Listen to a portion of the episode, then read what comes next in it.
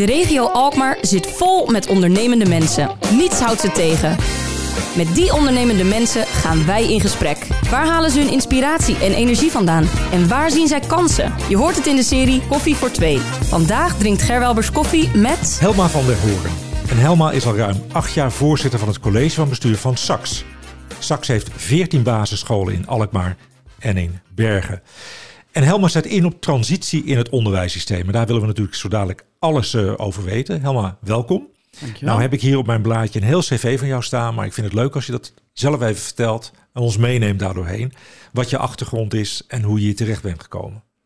Ja, ik zal gaan proberen dat kort te houden, want inderdaad, het is een heel cv. Ooit, um, toen ik 18 jaar was, ben ik begonnen als uh, walser bij de Koudwals 21 bij Tata Steel. Als dat walser? Was... Dat is echt, dat is helemaal als... geen vrouwenberoep, zeg ik. Uh, dat klopt. Als witte ik was de uh... eerste vrouwelijke walser die uh, Hooghoos en Muiden ooit heeft gekend.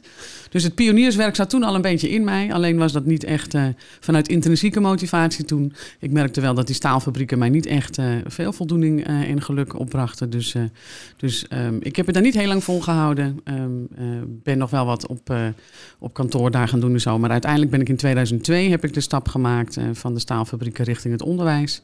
En daar was mijn eerste baan als leerkracht in een jeugdgevangenis bij de Doggershoek in Den Helder. Uh, ongelooflijk uh, inspirerende omgeving. heel veel geleerd. en ja, wel veel meer op mijn plek. In, in, in, sowieso in de publieke sector, maar zeker in het onderwijs. Mm -hmm. heb ik mijn, ja, mijn plek wel gevonden. Ja, bijzondere plek dan, hè, Den Helder. Wat vond je daar zo boeiend aan?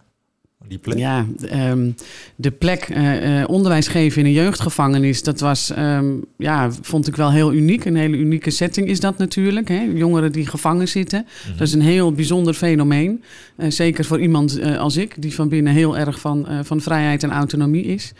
Um, dus dat was een heel ja, spanningsvol, spanningsvolle plek om te werken.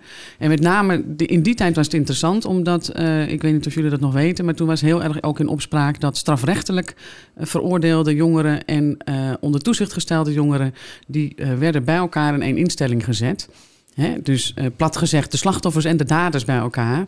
Uh, en dat was een pedagogisch experiment uh, waar ik heel erg in geloofde en eigenlijk nog steeds in geloof, omdat ik niet zozeer in een, een hele strakke scheidslijn tussen een slachtoffer en een dader geloof.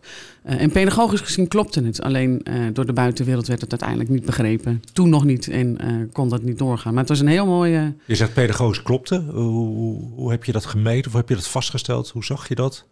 Ja, ik ben niet in, zo hè? van het meten en het uh, vaststellen. Hè. Als dingen kloppen, dan voel je ze vooral. Dan, ja. dan weet je dat het klopt. Uh, we werkten daar uh, met een ja, bevlogen team.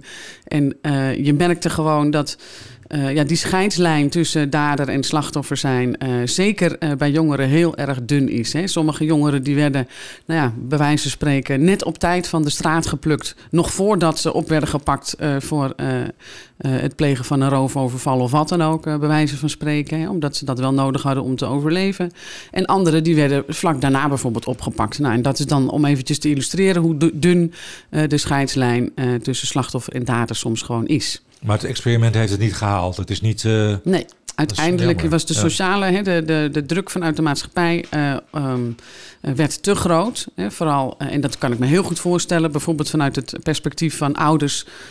Van bijvoorbeeld meisjes die in de Loverboy-circuit terecht waren gekomen. en die daar dus onder toezicht waren gesteld. en voor hun eigen veiligheid zaten. Ja, dan is het heel moeilijk verkopen dat ze in één jeugdinstelling zitten. waar ook de Loverboys zelf uiteindelijk terechtkomen. Dat mm -hmm. is. Um, Terwijl juist in die pedagogische setting ze zoveel van elkaar kunnen leren. Maar goed, okay. dat uh, was nog even te vroeg in de tijd, denk ik. Ja, ja. En toen het basisonderwijs, hè? Toen het basisonderwijs, ja. Nog ja. wel wat paar stapjes ertussen. Ook nog wel directeur geweest van een uh, uh, school voor moeilijk opvoedbare kinderen in, in Zandpoort en Driehuis. en uiteindelijk bestuurder willen worden en in het basisonderwijs terechtgekomen. Mm -hmm. Hele andere wereld. Ja. Ja. Daar ga je alles over vertellen zo dadelijk. 14 basisscholen maar liefst. In Alkmaar en Bergen. En misschien een open deur die ik nu ga vragen aan je. Want ik weet al wat je gaat antwoorden. Maar gaan die 14 basisscholen... Produceren die allemaal dezelfde eenheidsworsten? nou nee dus. Nee, uh, zeker niet. Hoewel dat ik daar acht jaar geleden kwam, het er nog best wel op leek hoor. Dat het, toen werd het ja, over het algemeen nog heel veel top-down gestuurd. Dus ook op het, uh, ja, op het geven van onderwijs. Of bijvoorbeeld uh, het, het groepsplan dat teams moesten gebruiken. ja, dat, dat soort dingen werden allemaal bovenschools bepaald. Dus dat, daar komt het wel vandaan. Maar dat is het, godzijdank, op dit moment totaal niet meer. Nee. Want wat is jouw ideale basisschool?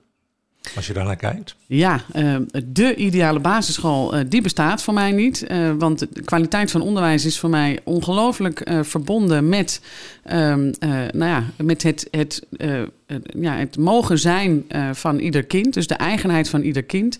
Uh, dat betekent dus ook dat je de eigenheid van, uh, van de leerkrachten heel belangrijk vindt en de eigenheid van de school. En als dat je uitgangspunt is, ja, dan, um, dan is dus het, het, ideale onderwijs datgene wat op die plek met die leerlingen, met die specifieke populatie ouders en met dat team het meest optimaal is. En dat is per definitie anders in, in bijvoorbeeld Centrum Alkmaar, waar nou ja, de, de, de wat meer elitaire eh, scholen zitten, om het zo maar even te noemen. En eh, in Overdie, waar meer de achterstandswijken uh, scholen zitten. Dat is gewoon heel ander onderwijs. Ja, maar slagen jullie er ook in om die filosofie in de praktijk toe te passen? Ja, ontstaan? Ja, ja ik, ik, ik denk dat het feit dat ik er acht jaar zit, wat natuurlijk best wel lang is voor een bestuurder, uh, dat dat hier wel aan toe bijgedragen heeft. Want het heeft wel degelijk uh, een hele lange adem nodig en heel veel geduld.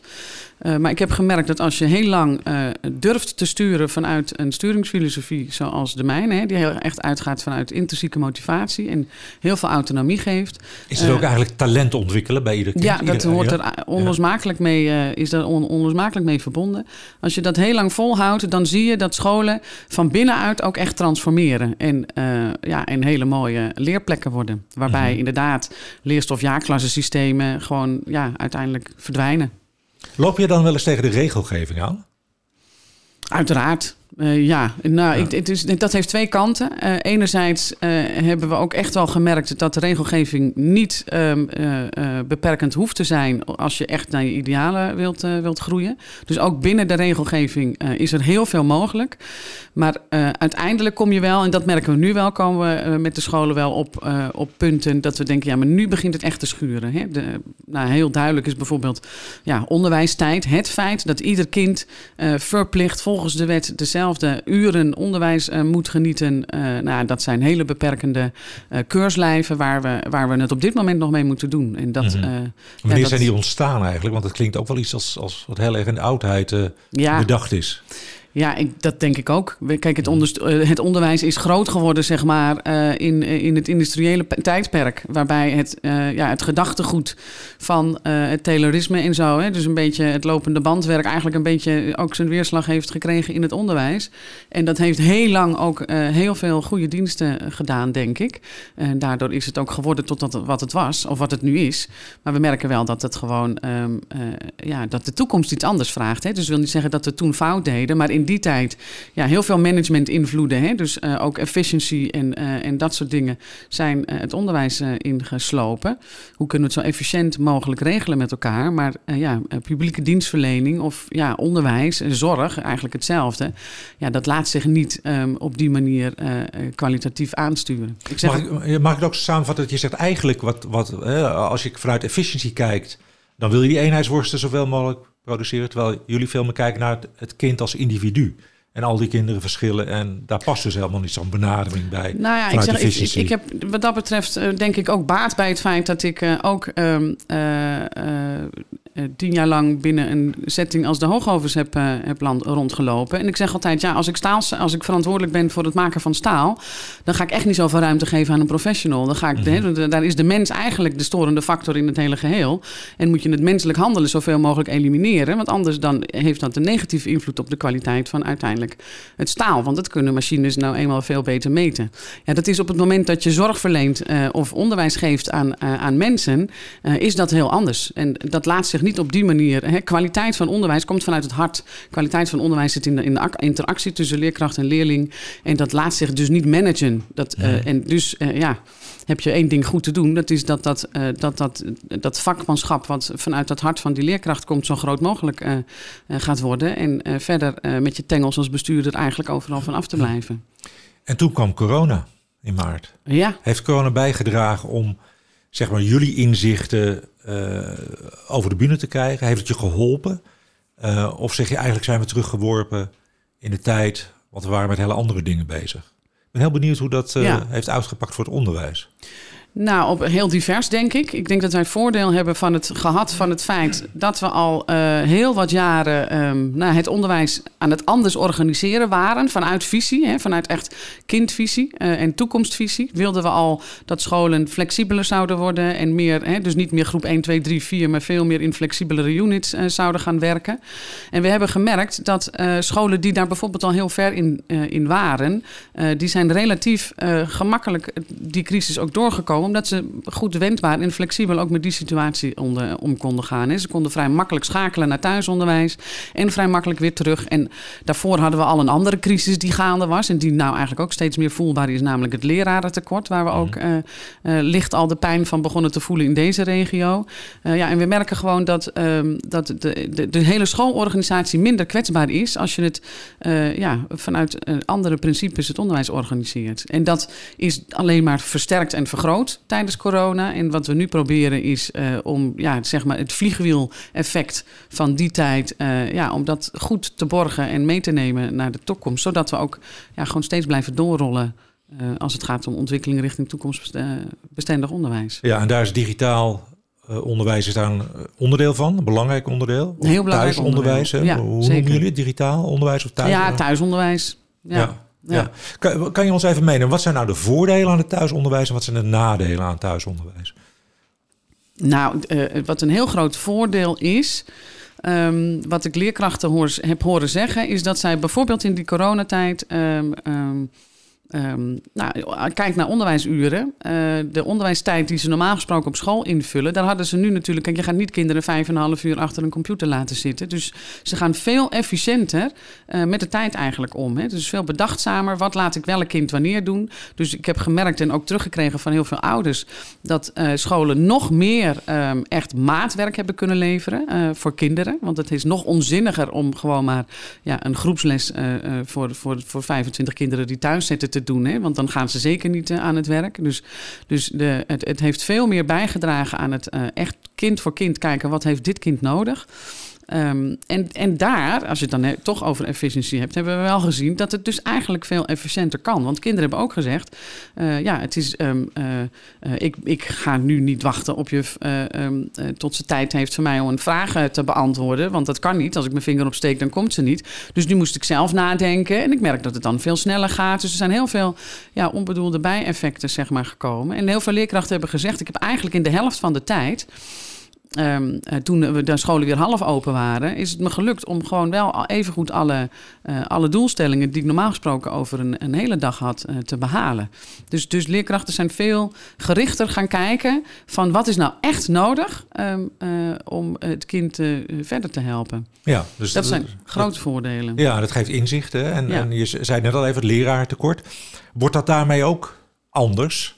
En minder, uh, minder groot, omdat je op andere manieren onderwijs ook aanbiedt en in, inricht. Absoluut, ja. ja? We, we, hebben nu heel erg te maken met, um, uh, nou ja, met grote tekorten. Niet zozeer omdat er, de leraren er niet zijn, maar omdat er heel vaak leraren ook preventief thuis moeten blijven, omdat ze een snotneus hebben of wat dan ook. Deze tijd is natuurlijk heel erg daarvan. Um, en normaal gesproken zouden, en dat zie ik ook, hè, de scholen ook binnen SAX die nog relatief traditioneel georganiseerd zijn, die lopen dus nu echt helemaal vast. Want uh, ja, dan uh, doe uh, één leerkracht uit groep 5 eruit en het hele systeem loopt letterlijk vast. Maar op het moment dat dat al veel meer in units is georganiseerd, hè, waardoor groepen juist groter zijn, maar er meerdere leerkrachten en assistenten op één groep werken, ja, dan hoeft zo'n hele groep niet meteen naar huis en dan is het alleen eventjes een beetje schakelen en aanpassen. Dus er zijn hele grote voordelen. En op het moment dat een leerkracht, dat hebben we ook al een aantal keren nu gezien, een leerkracht die preventief thuis zit, is niet ziek, dus kan wel gewoon werken. En die kan vanuit huis um, uh, gewoon eventueel lesgeven. Al dan niet uh, voor kinderen die dan uh, op school bijvoorbeeld door ouders worden opgevangen of gewoon al thuis zitten. Dat is misschien heel, heel veel diverse vormen van ja, flexibel onderwijs in deze tijd. Ja, dit passen jullie ook al toe. Ja, nu. dit wordt ja. ja. Ja. Daar leren we steeds uh, elke dag meer in. Ja. ja. Nou, zij in een eerder gesprek wat wij hadden, toen vertelde me iets dat er dus echt bij mij blijven hangen over de schoolvakanties. Ja. Dus eigenlijk is het systeem van schoolvakanties, zoals we dat kennen in Nederland, dat dateert al uit een periode van 100 jaar geleden. Ja. En, en eh, dat fascinerende vond ik, van is, er, is daar nooit verandering in gekomen? Zijn we daar nooit anders naar gaan kijken? Nee. Hoe zou jij dat zelf eh, zien? Ja. Wil je dat zo houden of zeg je nou, het kan ook wel anders? Nou, toen ik ooit de overstap maakte van het bedrijfsleven naar de school, naar eh, het onderwijs, eh, nou, toen merkte ik dat het vloek in de kerk is, als je het over hierover hebt. Maar toen, eh, toen zei ik eigenlijk meteen al, na mijn eerste schoolvakantie, zes weken vrij te zijn geweest als leerkracht. Ik kwam eh, terug op mijn werk. Ik zei: Dit is niet gezond. Ik voelde aan alles in mijn lijf dat het, eh, dat het ook niet goed is voor alle leerkrachten om eh, elke keer eh, dus helemaal uit je ritme gehaald te worden en dan weer helemaal opnieuw te moeten starten. Het is ook mijn persoonlijke, hoor, ik weet niet of dat bewezen is, maar in ieder geval mijn persoonlijke overtuigingen dat het niet voor niets is dat in het onderwijs het ziekteverzuimcijfer relatief hoog is. Want ik voel gewoon ja, aan heel mijn lijf dat het. Eh, ja, dat het niet gezond is. En dat is dus wat we ook met, eh, met kinderen doen. De wereld die staat, staat elke keer eh, gewoon zes weken stil. En dan, eh, dan gaat het weer door. En op zich is dat misschien het probleem niet. Maar het is, het is eh, elke keer het opstarten en elke keer het afronden. En dat doen we dan ook nog een aantal keren tussendoor in vakanties. Ehm, ja, dat kost gewoon heel veel energie. Dat is, eh, en, en, en je haalt de continuïteit uit processen eh, vandaan, waardoor er iets eigenlijk voor mij iets heel onnatuurlijks is ontstaan. En we vinden het allemaal heel natuurlijk, een natuurlijk ritme. Maar ik denk dat we even heel goed eh, van naar binnen gaan kijken, dat we tot de conclusie komen dat dat het volgens mij echt niet is. Hoe zou jij het willen inrichten? Flexibel, ja, dat, ehm, eh, ik denk. ehm, nou, we hebben destijds, toen ik op die eh, school werkte eh, in de- jeugdgevangenis, hebben we daar wel experimenten in gedaan. Om te kijken of we die schoolvakantie niet kunnen verkorten. Omdat daar, hè, als het daar was zes weken onderwijs, ook gewoon letterlijk zes weken op de kamer, tussen aanhalingstekens, wat gewoon een cel was natuurlijk. Nou, dat kon, kon je jongeren niet aandoen. En er zijn wel meerdere experimenten. Eh, bijvoorbeeld scholen die 52 weken open zijn. En waarbij ouders zelf de vakanties in kunnen plannen. En leerkrachten dus ook. En ja, op die manier ehm, eh, het onderwijs geven. Ja, hoe, maar hoe zou je het op straks willen doen? Kan je, want jullie zijn 14 scholen met elkaar. Ja. Is het dan makkelijk om daar Nou, dan, dan zitten we dus echt met wet en regelgeving. De scholen die ja. dat in het land doen, die kunnen dat op dit moment alleen doen, omdat ze dan vallen onder een of andere experimentenwet. Eh, dus ja, je kan een school eh, aan zo'n experiment mee laten doen. Eh, maar dit veranderen, ehm, eh, hè, gewoon als bestuurder binnen SAX, ja, dat is, dat is gewoon niet mogelijk, omdat je met hele strakke kaders van wet en regelgeving en CAO te maken heeft. Want het is ook een verworven recht van leerkrachten geworden. Ja. Nou heeft iedereen altijd eh, hele mooie herinneringen aan zijn schooltijd. Hè? Ook aan zijn lagere schooltijd. Wat is jouw ei- eigen herinnering die het mooiste is? Waar je meteen aan terugdenkt, als je dan die tijd eh, terugdenkt? Ja, dat is, dat is altijd een gevaarlijke vraag, omdat ik, ehm, omdat ik die eigenlijk niet heb. En tegelijkertijd, ik heb niet een slechte eh, jeugd of eh, jeugdtijd gehad of zo. Maar wat ik wel van mezelf herinner, is dat mijn eh, schooltijd heel erg vlak was. Ehm, eh, en dat ik, ehm, ik, ik heb zelf heel erg ervaren als kind hoe het is om eh, niet gezien en gekend te worden in je eigen talent. En gewoon maar een beetje mee te gaan eh, met de stroom. En dat is eigenlijk ehm, nou, misschien ook wel wat mij vandaag de dag motiveert. om, om dat dus echt anders te doen. Hè? Dat ik het heel belangrijk vind dat. Kijk, ik was to- toevallig goed in wis en, eh, wis en natuurkunde. En ik ben uiteindelijk in de techniek beland. Ja, niemand heeft aan mij gevraagd. Waar gaat jouw hart naar uit? En ik denk dat dat dus het, nou, het belangrijkste is wat we te doen hebben. Dat we kinderen echt zien. En dat we ook eh, kinderen leren om zichzelf vooral eh, heel goed te leren kennen. En uiteindelijk te worden wie ze zijn. Ja. Dat klinkt heel mooi. Eh, het gesprek is zo leuk dat ik helemaal vergeten ben om jou de drie dilemma's voor te leggen die we Oh. altijd voor ieder gesprek bedacht hebben. We hebben er al een aantal geadresseerd, maar toch nemen we ze even door. En je weet het, je mag ja of nee zeggen en daarna volop ruimte om te nuanceren. De coronatijd heeft voor het onderwijs kansen gebracht. Ja, Digitaal onderwijs op afstand is de toekomst. mede. Oh, ja, Nee, nee. ja of nee? Ja, dan ja. Ja. Basisonderwijs is te traditioneel. Ja, dat is drie keer wel een ja. Ja, drie jaar. Nou, we hebben een aantal dingen al geadresseerd. Bij digitaal onderwijs, daar twijfelde je even. Hè? Je, je moest kiezen. Digitaal onderwijs is de toekomst. Ja. Daar zou daarvan zeggen ja, nee, daar zit je wat tussenin. Hè? Nou, het digitaal onderwijs is onderdeel van de toekomst. Maar we moeten ook zeker niet vergeten dat ehm, eh, het samenkomen en het, eh, hè, de menselijke aspecten eh, van, eh, eh, van het, het samenwerken met elkaar en eh, het sociale stuk van het onderwijs minstens zo belangrijk is. En dat is niet altijd eh, digitaal te organiseren. Dus, Nou, eh, maar het is onlosmakelijk wel een, een belangrijk onderdeel van de toekomst. Zeker. Ja. dan maken jullie eh, onderdeel uit van Alkmaar, van de regio Alkmaar ook. Hè? Ja. Wat leren jullie de kinderen op school over Alkmaar en de geschiedenis van Alkmaar? Is dat een onderdeel? Ja, dat is uh, uiteraard een onderdeel. Um, uh, al moet ik zeggen dat het. Um, kijk, ook hier sturen we niet van bovenaf of zo. Dus het is ook wel een beetje schoolverschillend. En misschien zelfs wel leerkrachtverschillend. In hoeverre leerkrachten hier ook echt zelf uh, binding mee hebben hè, in de schoolteams. maar uiteraard wordt er. nou, bijvoorbeeld 8 oktober wordt op alle scholen wel, wel meegedaan. we zijn ook mee gaan doen aan een. Um, uh, uh, een project waarbij bijvoorbeeld vanuit Kaaskoppenstad, Kaaskoppenstad lesbrieven voor het onderwijs gemaakt worden. Dat soort projecten doen we wel aan mee. maar misschien dat het hier best nog wel. hier zijn nog wel stappen te halen, denk ik ook. Ja, ja. ja. nou hadden we in een van de vorige afleveringen hadden we Erna Winters te gast. Zij is de directrice van de bibliotheken in de, in de regio. En zij heeft een vraag aan jou. En de vraag is, zie jij kansen om met de bibliotheek samen te werken? Zo, ja, zeker. Ja, Vertel. absoluut. Nou, nou doen we dat natuurlijk al wel ja. uh, stiekem een beetje. Ik hoop dat Erna daar ook over verteld heeft. Ja, misschien is de vraag beter van zie je kans om nog meer samen te werken? En ja, ze vertelde inderdaad een paar dingen die jullie doen. Ja, ja.